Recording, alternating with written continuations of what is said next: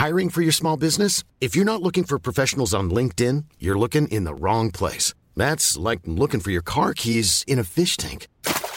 LinkedIn helps you hire professionals you can't find anywhere else, even those who aren't actively searching for a new job but might be open to the perfect role. In a given month, over 70% of LinkedIn users don't even visit other leading job sites. So start looking in the right place. With LinkedIn, you can hire professionals like a professional. Post your free job on linkedin.com slash people today. Hey there, it's Michelle Norris. I'm host of a podcast called Your Mama's Kitchen. When I travel, I'm usually looking for a way to find a taste of home when I'm not at home. And one of the things I love to do when I am at home is entertain. And Airbnb allows me to do that. When I was in California recently, I rented a house that had a great kitchen. And when we were sitting around the table, we we're all thinking, we're in someone else's house. Someone could be in all of our homes as well. If you have a home, but you're not always at home, you have an Airbnb. Your home might be worth more than you think. Find out how much at airbnb.com/slash host.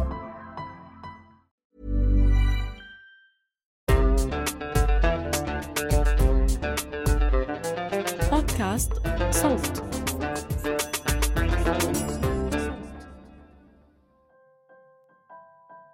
كيف بتولد أمنية السفر داخل الإنسان؟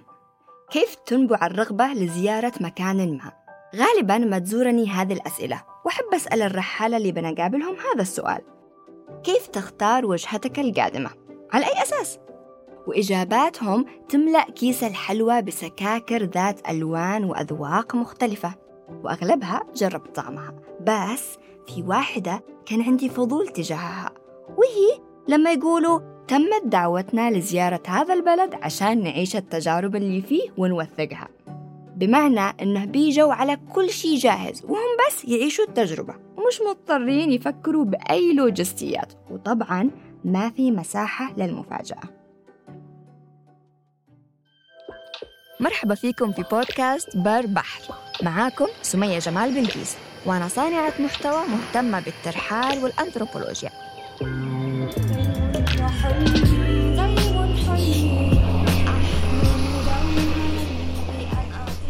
سافرت من اليمن إلى بلدان كثيرة وتغربت. تعرفت على أشخاص وثقافات ما تشبهني. عشت معاهم تجارب عرفتني أكثر على نفسي. بهذا البودكاست بحكي لكم قصص انحفرت في ذاكرتي ولم تستطع الكاميرا توثيقها. فقررت أسترجعها معكم بالصوت.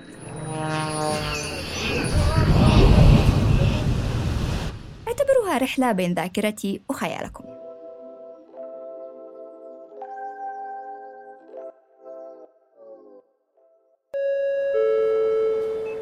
النداء الأخير للمسافرين المتوجهين إلى عمان.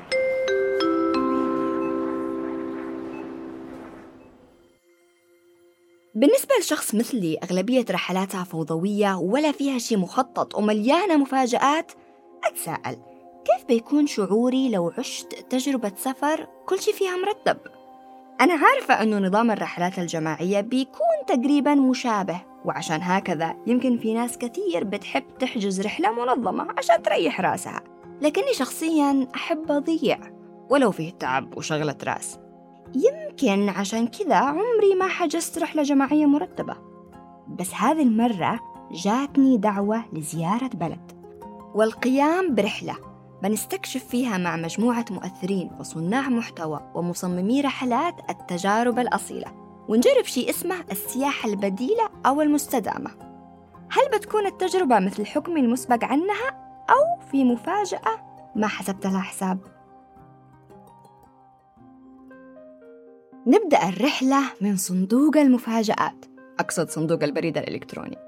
هذه الصفحة العجيبة في هاتفي اللي بتوصلني فيها رسائل تحتوي مفاتيح لتجارب مثيرة في الحياة. وأنا في مكان ما في العالم أجاوب بنعم أو لا بعدما أشعر بصدى ورائحة التجربة القادمة من المستقبل وبعدما أقيس وأقيم أولوياتي في الحياة في حال تضارب الدعوات والتجارب. هذه المرة وصلتني رسالة من منظمة اسمها Leaders International. فيها تتم دعوتي لحضور رحلة ومؤتمر يناقش السياحة البديلة في الأردن. اسم المؤتمر Experience Local. وحابين أكتب عن تجربتي في إحدى حلقات بربحر. شفت تواريخ الحدث وما كانش في شيء يتضارب معها. فقلت في نفسي جاتك قطعة الحلوى اللي كنتي بتتساءلي عنها. الآن بتشوفي كيف الشعور لما تكوني جزء من رحلة منظمة. على طول رحت أرد على الإيميل. بس شوية وقفت وسألت. إيش السياحة البديلة لكن؟ بس طنشت السؤال وقلت بعرف الإجابة لما أكون هناك. رديت عليهم إني مهتمة. بعدين تبادلنا بعض الإيميلات واكتشفت إنهم أيضا حابيني أكون متحدثة في إحدى فقرات المؤتمر. هنا مثل التوت ونطيت على عمو جوجل أقرأ كل شي لازم أعرفه عن السياحة البديلة. بلاها فضايح يا أخت. وبعد البحث والقراءة اكتشفت أن السياحة البديلة هي المصطلح الموجود لنوع السفر اللي بسافره بالمختصر. بنسويها بشكل طبيعي من زمان بدون ما أعرف اسمها. لما أسافر عشان الطبيعة وأمشي مسارات فيها وأعمل مغامرات ييسروها أهل الجبال والوديان هناك وأختلط بسكان البلد والمجتمعات المحلية وأسكن في بيوتهم وآكل من طبخهم وأشتري من مصنوعاتهم وأسمع حكاياهم وقصصهم وأغانيهم ورقصاتهم. هذا كله يختلف عن السياحة التقليدية المركزة على مناطق الجذب السياحي. واللي مسافرينها يسكنوا في فنادق شاملة كل شيء بحيث ما يشوفوا من البلد إلا الفندق والمعالم الشهيرة فقط. البحث حمسني كثير وصار عندي صورة أوضح ليش تمت دعوتي لهذا النوع من التجارب. وهكذا طرت من صندوق البريد إلى الأردن. وأنا مسترخية لأني مش لازم أفكر بأي شيء كل شيء مخطط له وجاهز. يا سلام! الشيء الوحيد اللي كان موترني شوي هو إني بقابل ناس كثير مرة واحدة. عندي شوية توتر اجتماعي وتعب من محادثات المجاملة والتعارف وتكوين وتشبيك العلاقات. بس عادي لابد من الخروج من منطقة الراحة بطريقة ما.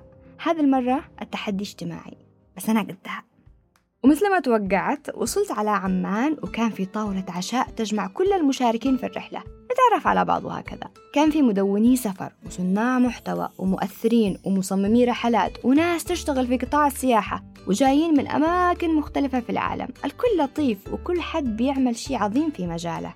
ممتعة مشاهدة الناس وهي تكون وتتعرف وتتكلم.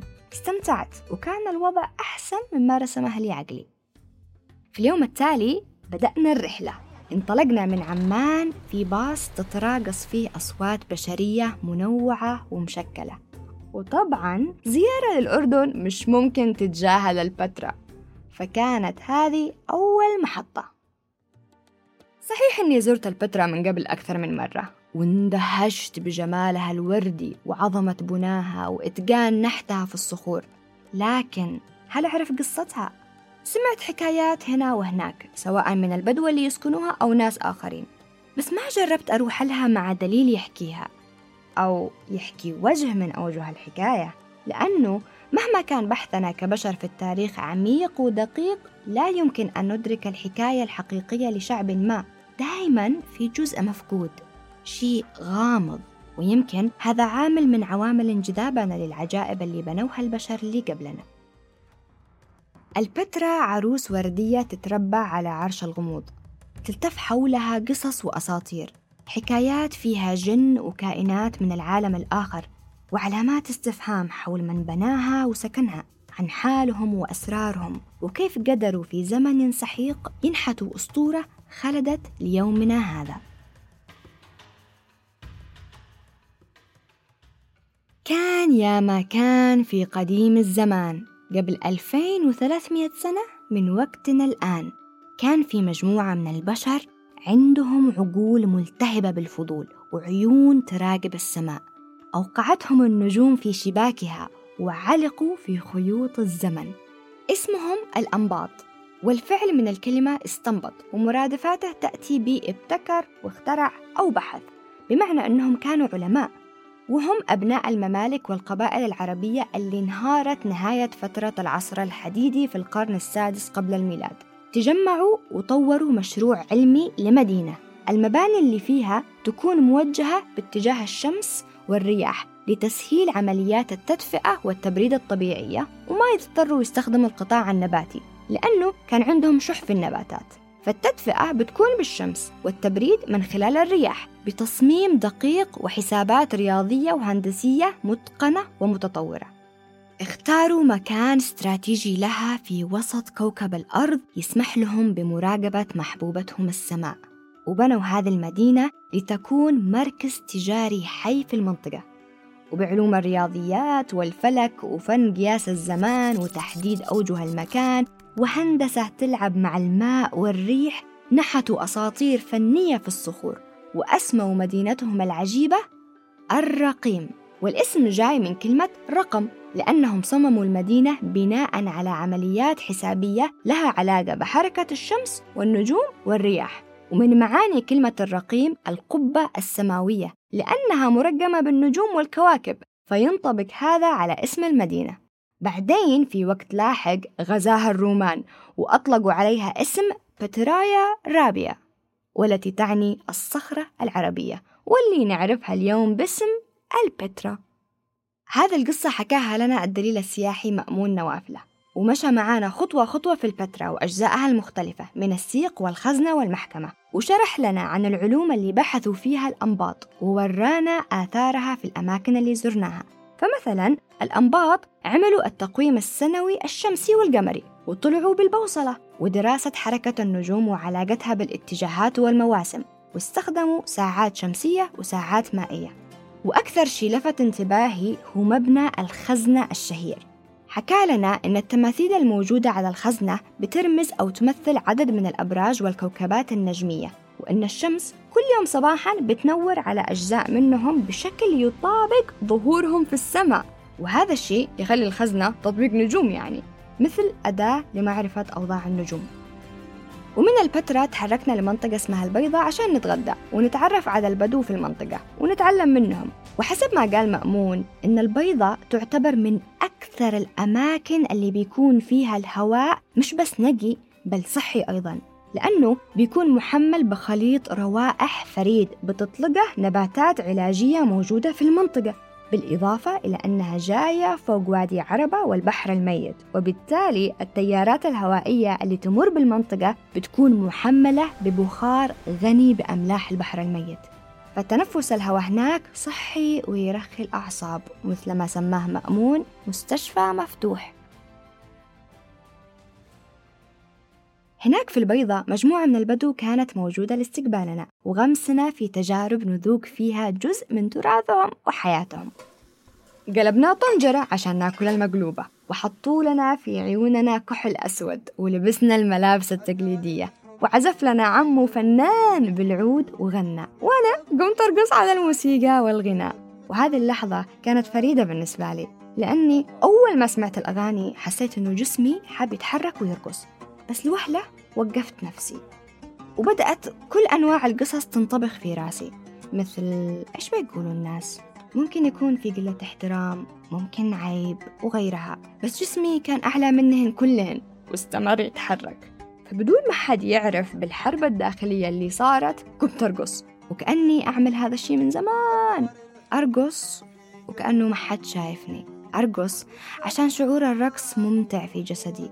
وعشان في هذاك التمايل والحركة حياة غمضت عيني واندمجت بالموسيقى ورقصت على الآخر.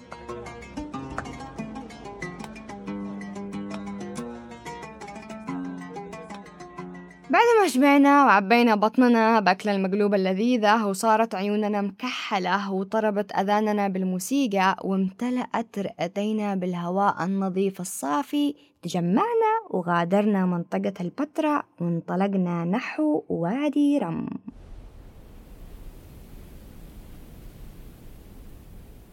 مساحات شاسعة من الرمال الوردية المحمرة وصخور بأشكال فريدة عجيبة. تعطيك شعور كأنك في المريخ أو كوكب ثاني غير كوكب الأرض. بس بعدين تشوف الجمال وهي تمشي وتستوعب إنك ما زلت في كوكبنا الجميل. لكنك يا صديقي وصلت لمحمية وادي رم في جنوب الأردن حيث الصمت والليالي المظلمة اللي تتلألأ فيها النجوم. كل ما أزور الأردن ضروري يكون عندي زيارة لوادي رم لأنه من أحب الأماكن لقلبي. مكان أقدر أوصفه بصمت عميق وسكون يعكس كل الضجة بداخلي ويعطيني فرصة ومساحة أفصل الأصوات وأنقحها وأرجع كل صوت مش صوتي لمكانه وأعلي الصوت اللي يشبهني وأسمح له يستمر في مشاركتي الرحلة. وكل مرة أقضي ليالي فيه بشكل مختلف إما تخييم تحت النجوم ونوم في الخارج جنب النار أو في مخيم بدوي بسيط. بس هذه المرة رتبوا لنا نقضي الليلة في مخيم مختلف عن اللي أنا متعودة عليه. اسم المخيم كان سولار سيتي كامب وصلنا له بعد ما حضرنا الغروب في طبيعة وادي رام في الوقت المناسب. وقت العشاء. وفي وادي رام في وجبة مهم أي زائر يجربها. اسمها زرب. وبيكون لحم أو دجاج بيطبخوها البدو تحت الأرض. ويم يم يم يم. مخيمنا حاب يعمل أجواء استعراضية للزرب كجزء من تراث البدو. فجمعوا الزوار كلهم. على أساس بيبدأوا يزيحوا الرمل من غطى الحفرة اللي تحتها بيكون اللحم اللذيذ المطبوخ. وقالوا بينادوا أسماء كم حد يجوا يساعدوهم. أوكي حلو. كلنا جالسين نتفرج. بس آخر شي توقعته إنه ينادي اسمي. وكلهم شافولي إيش؟ كنت وقتها تسلقت الصخرة المطلة عليهم عشان يكون عندي أحسن زاوية. مثل التوت ونزلت. ومعي كمان واحدة اسمها مها من الفريق جابوا لنا مهام نساعدهم وانهمكنا بالعمل. وبعدين لما جاء الوقت نرفع الغطاء قال لي انتبهي حار. شوي شوي. وأنا توترت وأخذت الموضوع بجدية. وبدأنا نرفع الغطاء و أوبا! فجأة خرج آدمي من تحت الغطاء نزل بطوني. وعم الضحك المكان. ببساطة عملوا لنا مقلب. بس حلو. ضحكنا وكانت حركة حلوة غير متوقعة وخلتني أجوع أكثر. والأكل بعدها ما قصر. كان الزرب لذيذ جدا وغيره من الأشياء في البوفية المفتوحة. مم. تهورت في الأكل وحسيت إني خلاص أشتي أنسدح وأدخل أنام. ولكن بدأت الموسيقى والأغاني وعرض رقص من فرقة رقص تراثي من العقبة. بيغنوا أغاني الصيادين ويرقصوا رقصاتهم. إيش عملت سمية هنا؟ قامت ترقص معهم. وخذ لك هضمت كل الأكل اللي أكلته. جلست أرقص طول الليل وأنا ما أعرفش الرقصات. من راسي ألف وأقلد إيش يعملوا وأعمل مثله. في الأخير بعد ما خلصوا أو أقول خلصنا لأني ما وقفت رقص جابوا لي هدية. وكرموني فكانت حركة لطيفة منهم كذا المفروض تنتهي الليلة ونروح ننام بس كان في تجربة أبدا ما توقعت تكون بهذا الجمال منتظرة لنا Ryan Reynolds here from Mint Mobile. With the price of just about everything going up during inflation, we thought we'd bring our prices down. So to help us, we brought in a reverse auctioneer, which is apparently a thing. Mint Mobile unlimited premium wireless. Ready to get 30, 30, bit to get 30, bit to get 20, 20, 20, bit to get 20, 20, bit to get 15, 15, 15, 15 just 15 bucks a month. So, Give it a try at mintmobile.com slash switch. $45 upfront for three months plus taxes and fees. Promo rate for new customers for limited time. Unlimited more than 40 gigabytes per month. Slows. Full terms at mintmobile.com. Hiring for your small business? If you're not looking for professionals on LinkedIn, you're looking in the wrong place. That's like looking for your car keys in a fish tank. LinkedIn helps you hire professionals you can't find anywhere else, even those who aren't actively searching for a new job but might be open to the perfect role. In a given month, over 70% of LinkedIn users don't even visit other leading job sites. So start looking in the right place. With LinkedIn, you can hire professionals like a professional. Post your free job on linkedin.com slash people today.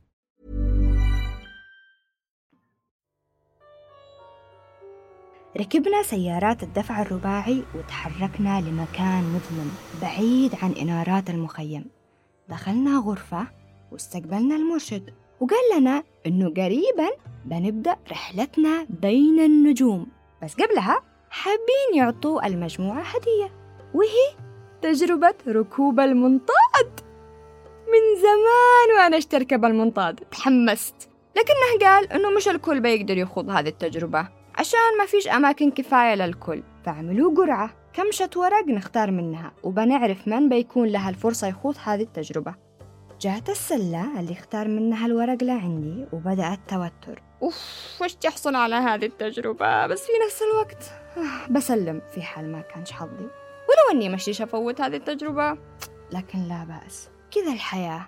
غمضت عيني وأخذت نفس وأخذت الورقة. وجالسة على أحر من الجمر. أنتظر العلامة اللي تسمح لنا. كلنا نفتح الورق. و ورقتي كان مرسوم فيها منطاد. وهكذا عرفت إني بطير في السماء بكرة. بس قبل ما أطير للسماء حلقت في الفضاء. أخذونا الغرفة. فيها كراسي وبروجيكتور مثل صالات السينما. ودخل عالم فلك ياخذنا في رحلة علمية حول النجوم. يشرح لنا بشكل علمي عن العالم خارج كوكب الأرض عن المسافات الضوئية وأعمار النجوم عن المجرات وبعدها من كوكبنا الصغير. كانت واو! وكأن السماء فوق اتفتحت عظيم العلم! وممتع جدا الشعور لما تعلم حاجات جديدة. وطريقة العرض كانت جدا جدا ممتعة وخفيفة. بعدين جاء وقت التطبيق العملي. تحركنا كلنا لساحة في النص استلقينا وبدأوا يشرحوا لنا عن النجوم وأسمائها ومواقعها وكيف بنشوف نجوم مختلفة في فصول مختلفة وأوقات مختلفة من الليل. وأهم شيء عرفنا كيف نحدد نجم الشمال اللي يدلنا على اتجاه الشمال. وحسيت بعد ما خلصنا إني الآن أعرف ألاقي طريقي باستخدام النجوم. وشوية حسيت بشعور غريب إني أمتص المعرفة اللي تكدست على مر العصور عن السماء والفضاء على أرض الأنباط اللي احترفوا مراقبة النجوم. شعور عجيب بالامتلاء والتخمة بمعرفة بعد جهل. وهذا وإحنا ما خلصنا. لأنه بعدها رحنا لعند التلسكوبات. وهناك دمعت عيوني. شفت زحل بحلقاته الأنيقة والمشتري العظيم مجموعة نجوم الثريا ونجم كتكوت صغير في العمر لأنه لونه فضي على أزرق. نسيت اسمه يلمع مثل الألماسة لما ينشاف بالتلسكوب. وهكذا توجهنا للغرف في منتصف الليل. وقدامنا بس أربع ساعات نوم لأنه لازم نكون على الساعة خمسة الصباح في نقطة اللقاء ونتحرك لعند المناطيد ونحضر شروق الشمس من السماء. نمنا وصحينا على صقيع. خاصة أني ركبت في المكان المكشوف من السيارة وتقريبا جمت من البرد. العم البدوي سواق السيارة أعطاني فروته أنا ولونا صديقتي من لبنان نتدفى فيها. ساعدتنا شوية بس برضو جمدت بعض الأجزاء من جسدي. وصلنا لمنتصف ساحة فيها شاي ومعمول وكمشة من البشر المتجمعين حولها. وبعدين في الأفق جات السيارات الحاملة للمناطيد. وبدأوا بإشعال النيران تحتها وتعبئتها بالهواء الساخن. منظر المنطاد وهو يتعبى بالهواء شوي شوي ويطلع لفوق مهيب جدا. وشعلة النار كبيرة تحته والسلة اللي بيحملها واللي بنطلع فوقها كبيرة كمان. والناس اللي بتشد المنطاد وتحاول تشغلها مثل النمل اللي يحاول يحمل تفاحة. عجيب وممتع وحسيت إني أحقق حلم من أحلام الطفولة. طفلتي الداخلية كانت تقفز وتنط من الفرح في داخلي. بدأوا يقسمونا وأنا كنت متحمسة أشارك هذه التجربة مع أصدقائي. لكن مع الأسف طلع حظي أروح مع مجموعة غريبة من الناس. كانوا حجزوا قبل. لا. واكتشفت إنهم قسمونا حسب الوزن. أصدقائي راحوا في منطاد وأنا في منطاد. يلا إيش نسوي؟ بستمتع بالمنطاد لحالي إذا تعرفنا على الطيار اللي أعطانا شرح كيف نطلع المنطاد وكيف بيكون الهبوط. حسيت بالحماس. شوي شوي وامتلأ المنطاد بالكامل وجاء وقت القفز داخل السلة. والمنطاد يرتفع ببطء شديد بعيدا عن الأرض وكل شي تحتنا بيصغر. الشمس كانت متخبية وراء أحد الصخور المرتفعة وإحنا بنطلع بدأت تبان وأشعتها تلامس وجهي بلطف إلى أن ظهرت بالكامل لما صرنا أعلى من الصخرة. كانت أجمل لحظة رومانسية لي مع الشمس وأنا قضيت الكثير من المواعيد معها لأني أعشق الشمس. هناك في السماء تتجلى عظمة من نوع آخر لوادي رم شيء لا يمكن اختباره إلا من الأعلى. سكون وهيبة الصحراء وصخورها بالإضافة للفن المرسوم على الأرض من علامات السيارات وخطوات الجمال والبشر والشجيرات الصغيرة اللي تطلع هنا وهناك. لحظة تسبيح وتأمل. الحمد لله. امتلأت بالسما وبالصمت. واستحميت بالشمس. ولهيب نار المنطاد فوقي. مش عارفة إيش ممكن أقول كمان عشان أوصف جمال التجربة. ممتنة من قلبي. الحمد لله. جاء وقت النزول وكان في شوية مغامرة. لحظة خبطة السلة بالأرض جات مع بعض الاهتزاز. حلو عجبني. ومنها ركبنا السيارات ورحنا المخيم نفطر فطور لذيذ ونتحرك لمحمية ضانة وهناك قابلنا جانب آخر من طبيعة الأردن. محمية ضانا تعتبر من أكبر المحميات في الأردن وفيها تنوع في الحيوانات والنباتات والتضاريس أيضا. جميلة بجبالها ووديانها زرنا قرية تقريبا مهجورة من سكانها. فيها عائلات قليلة بدوية ظلت ومنهم كان دليلنا خالد الخوالدة اللي أخذنا في مشي قصير في طبيعة ضانا في مسار اسمه شق الريش. وجربنا نعيش جزء من حياة البدو هناك. فمثلا شاركنا بصنع الكعك وحلبنا الماعز وحرثنا الأرض وأخيرا تغدينا مقلوبة شاركنا بطبخها. بعدها اتجهنا نحو البحر الميت. بس كان في محطة أخيرة وهي تجربة العشاء في مطعم جميع الكادر فيه نسائي اسمه بيت سويمة. جربنا بعض الأطباق التراثية المطبوخة من مكونات محلية وشفنا بعض المنتجات المحلية العضوية اللي ينتجوها مثل المخللات وزيت الزيتون. ومع موسيقى تراثية قامت سمية ترقص بعد الأكل أكيد. وهكذا نكون ختمنا الرحلة. وتحركنا للبحر الميت وين بيكون مبيتنا عشان اليوم اللي بعده نصحى ونحضر المؤتمر اللي بيتكلم عن السياحة البديلة. في المؤتمر طلبوا مننا نلبس رسمي. بس أنا ما عنديش رسمي وما استخدمش اللبس الرسمي أبدا. فقررت ألبس الكيمونو اللي بالقماش اليمني اللي صممته وخيطته. حسيته أقرب شيء للرسمي ومن تحته فستاني الأسود الوحيد اللي يسافر معايا كل مكان. طبعا هذا اللبس خلى شكلي مختلفة عن بقية الحضور اللي كانوا جديين ولبسوا رسمي. وفي نفس الوقت خدمني في فتح محادثات لما الناس تجي تسألني عن لبسي من وين. فرب ضارة نافعة. بالنسبة لي المؤتمر كان فتح ذهني وموسع للإمكانيات اللي ممكن أخلقها في المستقبل. بما أني بدأت أصمم رحلات ومغامرات بنكهة الحكايات حسيته مفيد جدا جدا. استفدت من الكثير من المتحدثين في مجال السياحة البديلة وحتى الحضور جو من أنحاء العالم وكل حد عنده خبرات فتحت عقلي من خلال المحادثات الصغيرة في أوقات الاستراحة. وكان في زاوية لأغلب مزودي الخدمات في هذا القطاع واللي اكتشفت أنه قطاع موجود وبيكبر. الخطابات والورشات تكلمت عن مواضيع كثيرة انطلاقا من أهمية السياحة البديلة في دعم الاقتصاد والسياحة بشكل عام إلى كيف ممكن تتطور في الأردن إلى الجهود المبذولة والنمو اللي تم تحقيقه إلى استخدام الذكاء الاصطناعي إلى التسويق باستخدام القصص وأدوات التسويق الفريدة المناسبة لهذا النوع بالذات. لأنه الشريحة المستهدفة مختلفة نوعا ما عن الشريحة اللي تستهدفها السياحة التقليدية. وترسخت عندي أهمية هذا النوع من السياحة لأنه بيفيد الإنسان المحلي وبيساهم في ازدهار الأرض وبيحمس الحكومات إنها تهتم بالطبيعة أكثر وتحافظ عليها. تخيل لما تسافر بهذه الطريقة كيف إنك بتفيد أهل البلد اللي ساكن عندهم. تختبر حياتهم وتعيش تراثهم وتاكل من طبخهم اللي ما بتذوق مثله في المطاعم هذا أكيد. تخرج تمشي مسارات في الطبيعة هم حافظينها مثل راحة يدهم فتكون شاهد على اتصال حقيقي وأصيل بين الإنسان والأرض ويكون إلهام لك وممكن تتسلق جبال معاهم أو تعمل مغامرة.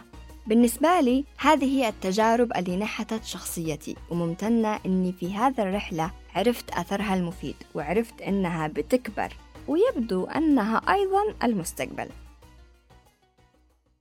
في شيء يفرح كمان لاحظته وهو حضور النساء سواء كمزودات مشاريع محلية أو كرحالة. إحصائياً أغلب مشاريع السياحة البديلة في الأردن بتقودها نساء وكمان إحصائياً أعلى عدد من الرحالة المنفردين في العالم هم أيضاً نساء. عجيب. ليش يا ترى؟ توجه لي هذا السؤال الصعب أثناء فقرتي كمتحدثة بين ثلاث نساء عظيمات. وأشوف أنه كل امرأة بيكون عندها إجابة فريدة عنه. ولكن إجابتي الشخصية كانت إنه السفر لحالي طريق ورحلة. فيها أعيد كتابة القصة اللي تقول إني ما أقدر أعمل أشياء كثير لحالي عشان امرأة وغيرها. وبالتالي كان السفر كتابي في الحياة وطريقي اللي قادني نحو الحرية واكتشاف تعبيري الأصل الفريد واختيار الأفكار المناسبة لي. في الأخير ختمنا كل الرحلة والمؤتمر بعشاء لذيذ وموسيقى ورقص. وتفكر بيني وبين نفسي إنه حتى الأشياء اللي أتردد أجربها بسبب حكمي المسبق عليها ممكن تكون ممتعة. مثل تجربتي هذه في السفر ضمن جماعة في رحلة مرتبة مسبقا اللي كنت مترددة تجاهها وحكمت عليها باستحياء بيني وبين نفسي إلا أنها طلعت تستحق الخروج من نطاق الراحة. الحلقة اللي سمعتوها إعدادي وتقديمي أنا سمية جمال بلقيس ومن تحرير وإنتاج جنى قزاز والهندسة الصوتية لحسام علي. لو حابين ترافقوني في رحلة استرجاع مواقف من سفراتي اشتركوا في قناة بودكاست بربحر عبر التطبيق اللي تسمعوني منه حاليا. بودكاست بربحر من إنتاج صوت.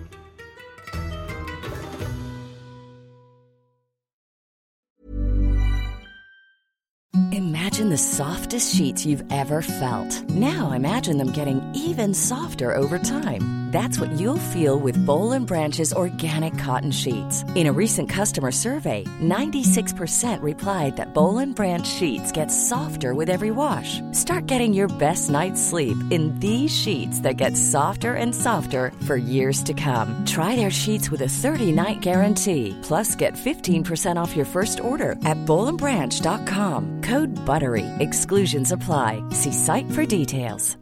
If you're looking for plump lips that last, you need to know about Juvederm lip fillers. With Juvederm Volbella XC and Juvederm Ultra XC, your lip look, whether it's subtle or bold, can last up to one full year with optimal treatment and no additional maintenance. Find a licensed specialist and see if it's right for you at juvederm.com today. That's J U V E D E R M.com. Add fullness to lips in adults over 21 with Juvederm Volbella XC or Juvederm Ultra XC. Do not use if you have severe allergies or a history of severe allergic reactions, or if you're allergic to lidocaine or the proteins used in Juvederm. Tell your doctor if you have a history of scarring or taking medicines that decrease the body's immune response or that can prolong bleeding. Common side effects include injection site redness, swelling, pain, tenderness, firmness, lumps, bumps, bruising, discoloration, or itching. As with all fillers, there's a rare risk of unintentional injection into a blood vessel, which can cause vision abnormalities, blindness, stroke, temporary scabs, or scarring. For full important safety information, visit juvederm.com.